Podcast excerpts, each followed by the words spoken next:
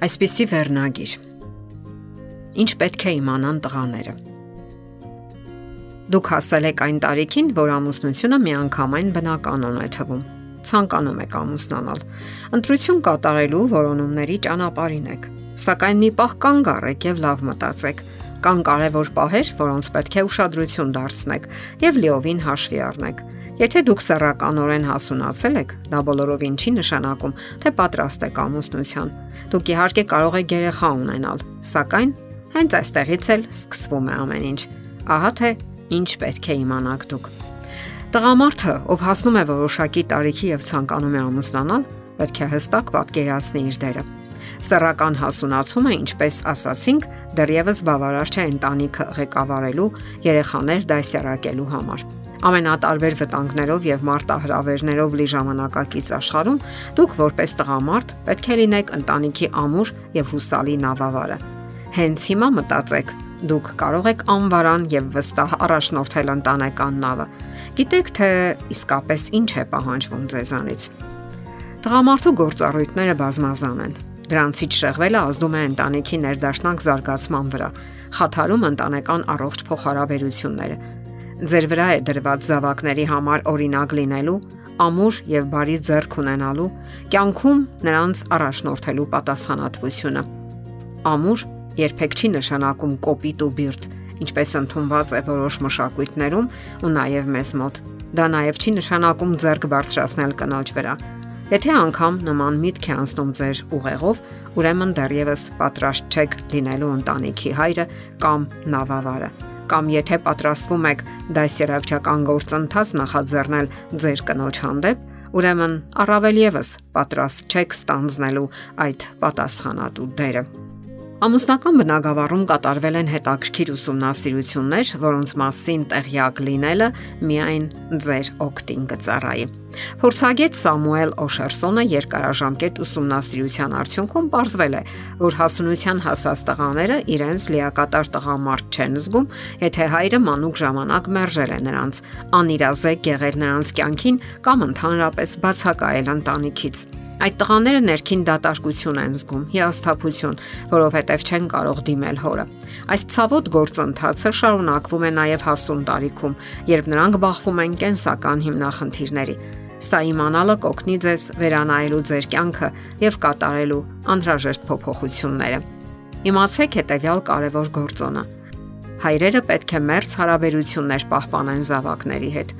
Հաճախակի նրանց ասեն, որ սիրում են Նույնիսկ հասուն երեխաները կարիք ունեն, որ իրենց հայրերը նման խոստովանություն անեն։ Պետք է ժամանակ գտնեք նրանց հետ շփվելու համար եւ փորձեք մասնակցել նրանց կյանքի բոլոր իրադարձություններին, կարևոր ու անկարևոր թվացող։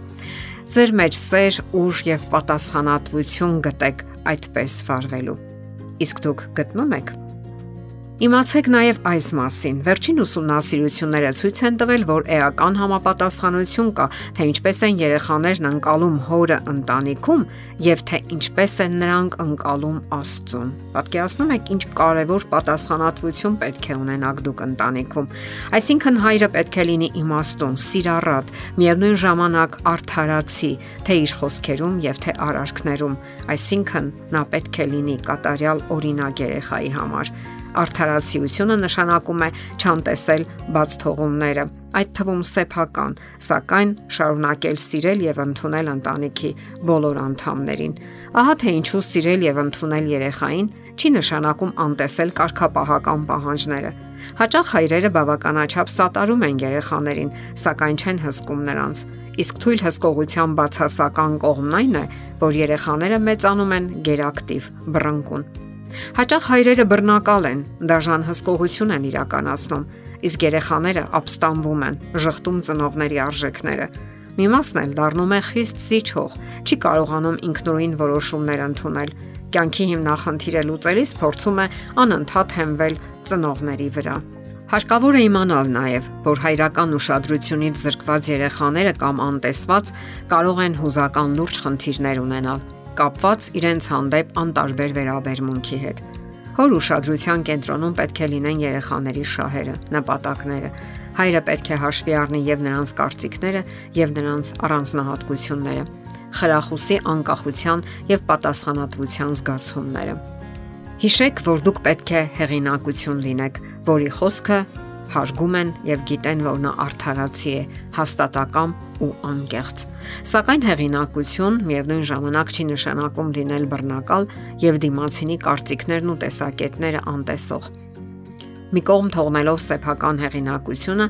հայրը պետք է լսի նաեւ երեխայի տեսակետը եւ հարգի նրա զգացմունքները։ Երբ երեխաները խոսում են, դրսևորվում, իրենց բավարարված են զգում եւ ուշադրության կենտրոնում Դա նրանց վստահություն է հաղորդում սեփական ուժերի հանդեպ։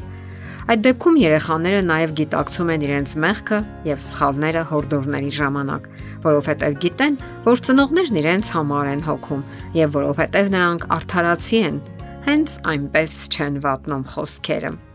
Տղաները պետք է իմանան, որ նման ընտանիքներում երեխաները սովորաբար լսում են ծնողների խորհուրդները, հարգում են նրանց արժեքները եւ միշտ պատրաստ են ոչ միայն օգնելու սեփական ծնողներին, այլև հոգալու ուրիշների կարիքները։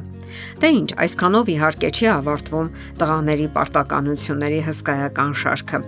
Սա այսբերգ է, որի միայն փոքր մասն է երևում ընտանեկան օվկիանոսի մակերևույթին։